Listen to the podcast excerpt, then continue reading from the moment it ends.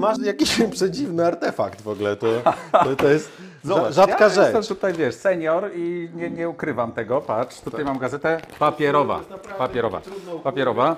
Ja sobie ją wącham. Kurwa, Tak. tak. pobrudziła, bo jednak farba drukarska to trochę pobrudziła. Wspaniałe, naprawdę ja zapomniałem, że one, Pamiętasz? tak, że one tak pachną. To jest Podobno przyjemne. Nie ma nic bardziej trującego niż ołowiana farba drukarska. Ale nadal, nie, fajnie, bo, no i co jest, co, Dobra, co no w ale gazetach, teraz panie, co w teraz gazetach? patrz. Jak sobie wchodzisz tam w internety, to masz różne takie tam No, no. śmietnik, siać trochę, różne Tak. takie rzeczy, nie? Ale tutaj masz ciekawe. Ostatnia strona. Tadam! Rozkładówka. Ale zawsze będzie miejsce dla marek budżetowych. I mnie to trochę już tak jakby rzeczywiście, ja sobie myślę, no nie, nie wiem, nasz bliski przyjaciel, taki profesor zaprzyjaźnionego Wspaniały, wspaniały, wspaniały profesor. To tak, ja, ja myślę, że tu się zgodzimy, że kochamy go miłością szczerą. tak, tak, ale też jest, jest on jednak e, pod wieloma względami też drogowskazem dla naszych wyborów życiowych. Nawet drogim wskazem. Tak, drogim wskazem. No i no, no, no on I ma teraz hasło. Tak, ma proste, nie? Jak jest szansa, żeby zarobić 1000 zł, Mhm.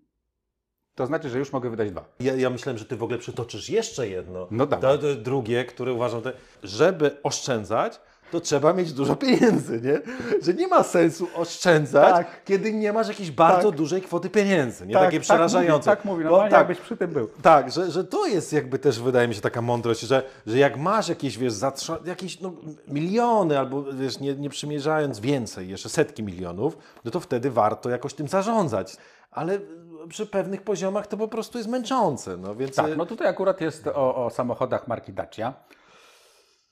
No, jest... S- Są tacy, którzy mówią, że Dacia to samochód dla ludzi bez wstydu. No, może, no ale ja Nie mam wiem. też...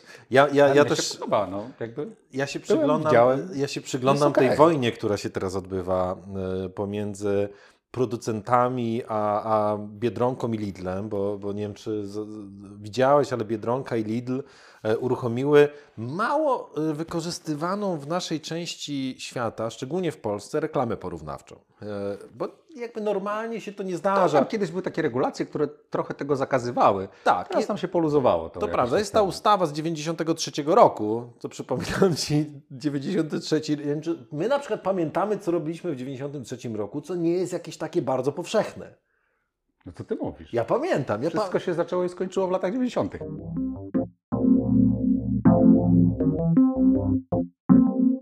w gazetkach można bez trudu znaleźć porównanie cen produktów markowych z produktami tymi, których właścicielem są, są te marki. Ale też, też na, na miękko jest to też w różnych innych sieciach, które mówią, znajdź tam coś tańszego w innej sieci konkurencyjnej, to my ci zwrócimy różnicę. Tak, to prawda, że też jest takie, no to granie, y, oczywiście teraz e, granie produktami budżetowymi jest e, dobrym pomysłem, ale pytanie, czy to nie jest trochę strategiczny strzał w kolano jednak, dlatego... No właśnie, no bo trzeba by w ogóle, ja myślę sobie tak określić, o czym my mówimy, co to znaczy produkt budżetowy. Czy to znaczy, że w słoiku zamiast 8 ogórków są, jest 6 i to już jest budżetowe? Czy po prostu są to w środku ogórki, których nikt nie chciał jeść i nigdy by nie zjadł, gdyby nie były w słoiku zalane czymś mocno octowym? Albo to jest jakiś rodzaj e, wielkopolskiej, tak mi bliskiej racjonalności, gdzie faktycznie płacenie za markę, e, czasami absurdalnie dużo, po prostu nie ma żadnego sensu. Jednak Polacy są e, no, no, dosyć rozsądnym e, klientem e, i nie łatwo ich faktycznie przy takich bardzo prostych narzędziach e, cenowych, jak skimming cenowy na przykład, tak kochany przez Apple'a na przykład, albo przez rynek gamingowy, nie? który jakby Tak, faktycznie tak, tak. gra tym e, aż, aż miło, że jednak te m, strategie penetracji ceny, e, one są bardziej popularne w naszej części e, Europy. To jest przypadek Almy. e, Który, Almy, która tak naprawdę dokładnie próbowała zrobić to. Piotr i Paweł, ale Tak. z drugiej strony no, te wrocławska, wrocławski Mhm. delikatesy, Mhm. e, no jakby mają się dobrze. We Wrocławiu żyją bogaci ludzie. Po pierwsze, i mądrzy. Mądrzy. mądrzy, mądrzy, ludzie. O, tak, tak, tak. tak. I, i e, faktycznie. Pozdrawiamy. to, to jakoś tam chyba nawet ściskamy. I, i, I ważne jest to, że Alma nie porodziła sobie dlatego, że nie, jakoś to bycie w elicie kupujących nie było argumentem wystarczającym. A było dla ciebie? Szczerze mówiąc, byłem chyba ze dwa razy w życiu. Mhm. I tak, no fajnie, fajnie, ale żeby tam jakoś regularnie chodzić, to nie wiem, bo jednak gdzieś tam we mnie ten, jakby z tyłu, ten, ten takie januszowatość e, Mhm.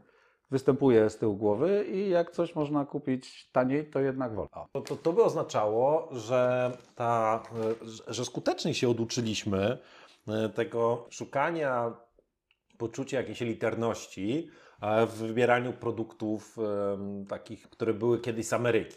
No, kiedyś jakby za naszej młodości, jak coś było z Ameryki, to wiadomo, no, te, te produkty generowały obroty tylko na tym e, modelu aspiracyjnym. E, to może nam się po prostu udało tego oduczyć. No to widzę, taki był profesorski dobry żart. To się udało oduczyć. No, e, o, o, oduczanie ma, ma, ma znacznie szerszy kontekst.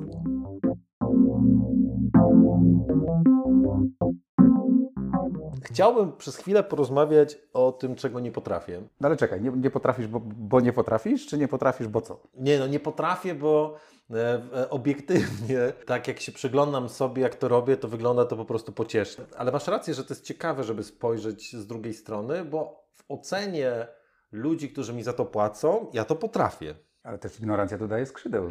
Tak, tak.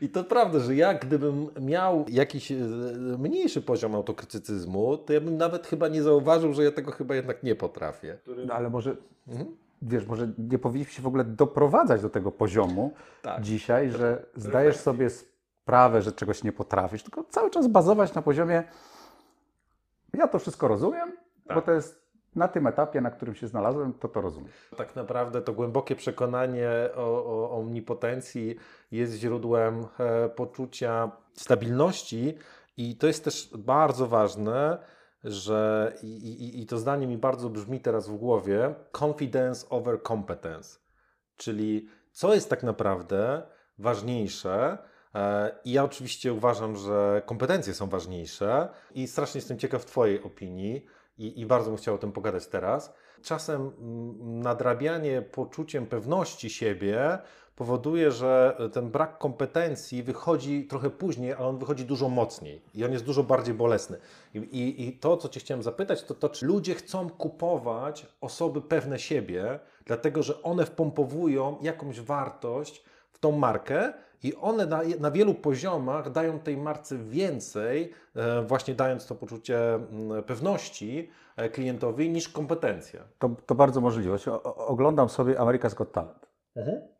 I tam całe to jury, poza może jedną panią, już nie kojarzę nazwiska, ale całe to jury mówi, że rzuciło szkołę w wieku tam 15-16 lat. Nie, nie skończyli żadnych szkół. Mhm. No to I mimo ciekawe. to odnoszą jakby sukcesy medialne i są takimi punktami odniesienia dla wielu osób, młodszych, starszych.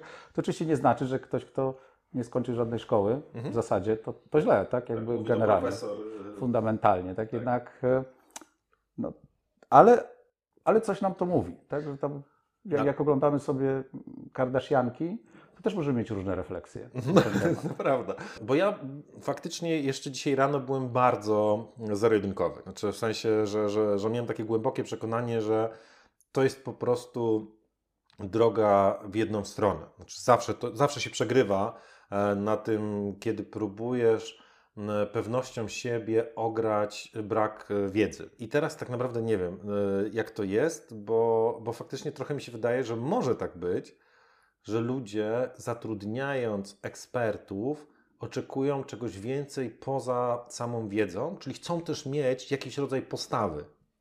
No to, to na pewno.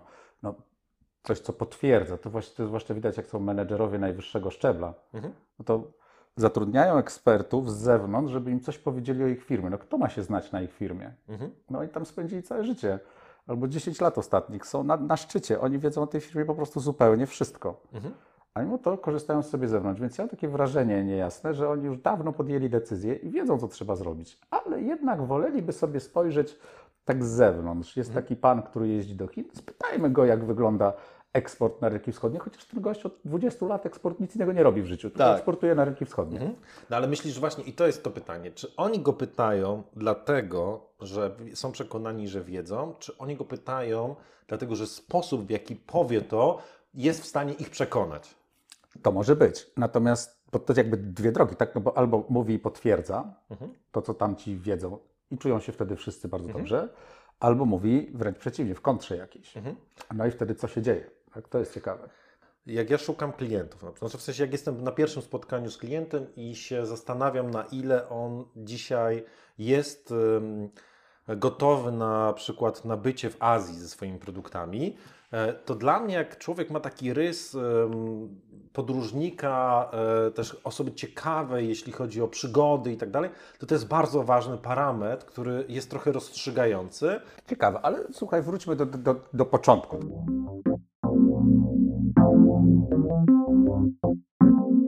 Zaczęliśmy rozmawiać chwilkę o takim unlearningu Mhm. i, i o tym. I Larry Niven, taki autor science fiction powieści, zresztą z wykształceniem matematyk, Mhm. e, mówi, że połową mądrości jest, żeby wiedzieć, czego się oduczyć. No jest. Nie? No to może ten, ten taki poziom niekompetencji, Mhm. że to, to, to jest pożądane, bo przynajmniej nie trzeba się oduczać. No, y, po, po pierwsze, a po drugie, może to jest po prostu kwestia semantyki. No może, ale jakbyś, słuchaj, nie miał się czego oduczać, bo tego nie umiesz, to już połowa jest mądrości za tobą. Tak, to jesteś w ogóle już jesteś zrobiony właściwie. Nie? Tak, To- już tylko o drugą połowę się tak, martwisz, tak, nie? tak, to wystarczy tylko się uśmiechać po prostu. Tak, tak, więc może za głęboko, bo no, tak wchodzisz głęboko w jakąś wiedzę, a potem ona staje się bezużyteczna. Kłopotem. Ona W pewnym staje, sensie, tak, obciążeniem wielkim. Ona się staje kłopotem. No i pytanie, jak tak naprawdę uczelnie dzisiaj e, sobie radzą e, w ogóle z tym, no bo to jest jakiś etos e, kształcenia, nie? który jest Tak.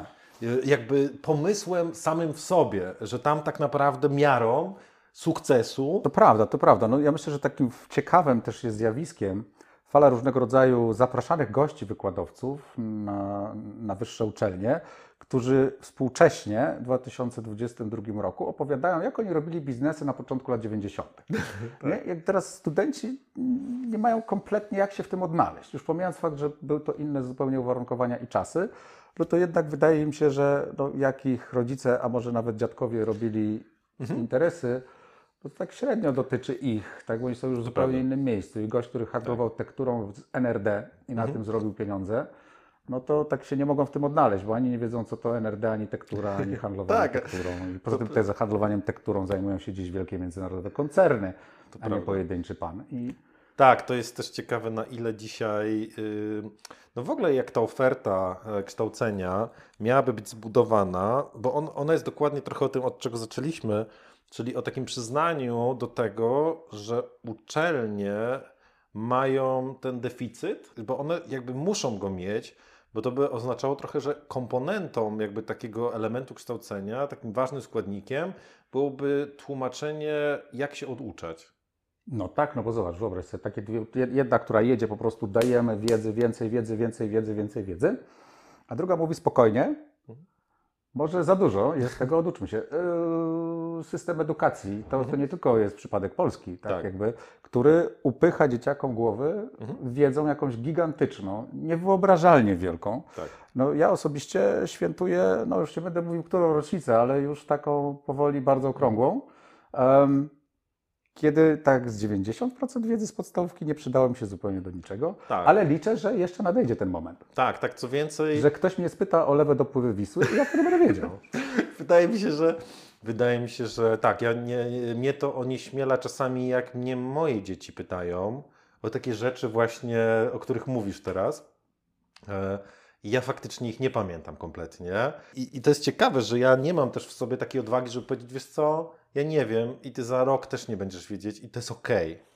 Ty w dużo większym wymia- wymiarze, ale też ja też jestem nauczycielem akademickim. I ja nie wiem, czy ja to robię. Znaczy, mam takie poczucie, bo jestem dzisiaj po trzech godzinach przygotowywania jakichś nowych zajęć. yy, I ja nie wiem, czy ten rodzaj wrażliwości faktycznie jest nawet na moich wykładach. No to jakby no, zajmujemy się w ogóle tak bardzo szeroko rozumianą ekonomią, która jednak jest, no mi było, nie było, hochsztaplerką. No to właśnie, nie? I tym bardziej my mamy licencję do mówienia takich rzeczy, tak? Tak. Znaczy w sensie ja w, Tak. w ogóle w rozwoju międzynarodowym, y, y, że mi jest jeszcze łatwiej występować w w roli osoby, która odpowiada ja nie wiem, nie? Bo, bo jednak y, profesorowi. No, wiesz, to, to pra- praktyk, który prowadzi biznesy, to tak się przyznać przed zespołem, mówić, słuchajcie, nie wiem, to bardzo nowocześnie bym powiedział. Tak? Tak. Bo jakby się zespół spytał, szefie, co my mamy teraz robić, to jakbyś powiedział, nie mam, słuchajcie, bladego pojęcia, to Tak. było tak w zasadzie chyba adekwatnie do sytuacji, w sensie Absolutnie rynku współczesnego. Tak, masz rację, że to jest dokładnie ten sam rodzaj e, mm, emocji, tylko do wytrzymania bardziej po stronie pracowników niż po stronie studentów. No ale co wtedy pracownicy powiedzą? No jeszcze gorzej. Znaczy, No jeszcze absolutnie, gorzej, no jeszcze to gorzej. szef, to nie żaden szef. No. Tak, nie tak, tego tak. oczekiwałem. To, że nie wiem, to ja też wiem.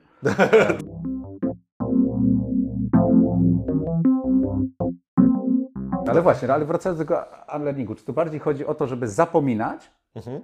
co się nauczyło, czy to bardziej chodzi o to, żeby na przykład, nie wiem, oduczać się w to miejsce coś wstawiać? Jest taki słynny napis: Najgorsze, co możemy zrobić, e, to używać zdania e, tak to u nas zwykle się robi. Ale z drugiej strony procedury, lesson learned i best practice to jest jakby esencja takiego życia korporacyjnego. Nie? No tak. Ale jeszcze tutaj w kategorii y, firm, w ogóle dużych firm, są takie bardzo ciekawe badania. To chyba zespół profesora Boye robi. Ja głowy nie dam, ale to jakiś czas temu czytałem, który bada chęć polskich firm do wychodzenia za granicę. Mhm. O, to ciekawe. No i słuchaj, tam są trzy takie grupy firm, nazywają kohortami, no, gdzie pierwsza to lata 80., 90., one wtedy zostały założone, polskie firmy. E, No i w zasadzie te za granicę wychodzą rzadko. Mhm. A Jeśli w ogóle to bardzo raczej ościenne rynki, a jeśli jakaś z tamtego okresu wychodzi, to raczej to jest przypadek niż jakiś założony e, gry plan od początku. Mhm. Druga grupa, takie lata 2000, trochę później, takie, które wychodzą na rynki ościenne, no, mają jakieś... Unia Europejska, tak, tam Rosja. Niemcy, troszkę tutaj. Rosja takie- ostatnio mniej. Troszkę jakby mniej, stamtąd się chwilowo zabrały. Tak. Mm, Mhm. Na, ale, ale może jeszcze wróci normalne życie z Rosją, kto wie. E, To, to jest takie, która wyszli tutaj powolutku, sobie wyjdźmy, jakieś przedstawicielstwo handlowe, eksporcik, coś tam, no tego typu rzeczy. E, I trzecia grupa firm, które zresztą absolwenci wielu krajowych uczelni, w tym między innymi tej, której ja uczę, którzy zakładają firmy za granicą i przychodzą do Polski. Tak, I to to są studenci bardzo ciekawe. i tak dalej. I teraz tak. Najciekawsze są ta grupa, która te 80., 90. lata. Mhm. No dobra, jest jakaś firma, produkuje plandeki do naczep. Ta firma, która produkuje, to wie, o której mówię. Mhm. A, a jest jakiś założyciel tej firmy i on jest jej prezesem. Już tam wszyscy od 20 lat bardzo czekają, aż pójdzie na emeryturę, ale on jakoś nie idzie. Powoli dobiega setki, zdaje się, jakoś czy jakoś tak. No i słuchaj, ale są też takie, i to jeszcze jest zrozumiałe, nie? To jest gość, kto to założył, tam w tej kulturze organizacji on jest istotnym elementem i on uk- ukraca wszelkiego rodzaju tam pomysły, żeby wychodzić za granicę, bo to jest niepewny temat. Okej. Ale masz takie firmy, które się zarząd 25 razy zmienił w międzyczasie. I- Tam w zarządzie mhm. są 30-latkowie. Tak. I oni cały czas w ogóle nie przychodzi im do głowy, żeby wyjść za granicę. Tam jest jakieś zakleszczenie związane z tym, gdzie jest sukces, nie? Znaczy, gdzie, e, bo to jest oczywiście o bezpieczeństwie bardziej, nie? I o tym, że, że, że tak naprawdę można szukać e, bliżej siebie e, mniejszego sukcesu, no ale to jest też jakiś olbrzymi kłopot dla Polski. No, ogromny. No, No, bo, absolutnie. bo, bo, Absolutnie. No i teraz, czy, czy one powinny się zapominać tą swoją kulturę całą organizacyjną, czy to i zbudować coś nowego, czy na przykład coś zastępować czymś, nie? że ten unlearning powinien iść tak procesowo, powoli, świadomie. to jednak jest bardzo konkretny e, message, który jest do zapomnienia. To jest taki, że najbezpieczniej jest tutaj wokół, wokół komina, tak? że to jest jakiś rodzaj e, pomysłu na to, że, że ta bezpie, to bezpieczeństwo wynika po prostu z tego, z czego ono wynikało jeszcze 2-3 dekady temu, tak? bo kiedyś to było jakby faktycznie gigantyczne ryzyko bycie na innych rynkach. No y, tak, ja myślę, że to, to, to jest do zapomnienia. M, Pytanie, czy w to miejsce do, do nauczenia jest y, no, bardzo duży obszar tego handlu międzynarodowego. Tak, to jest trudne i ryzykowne. Thank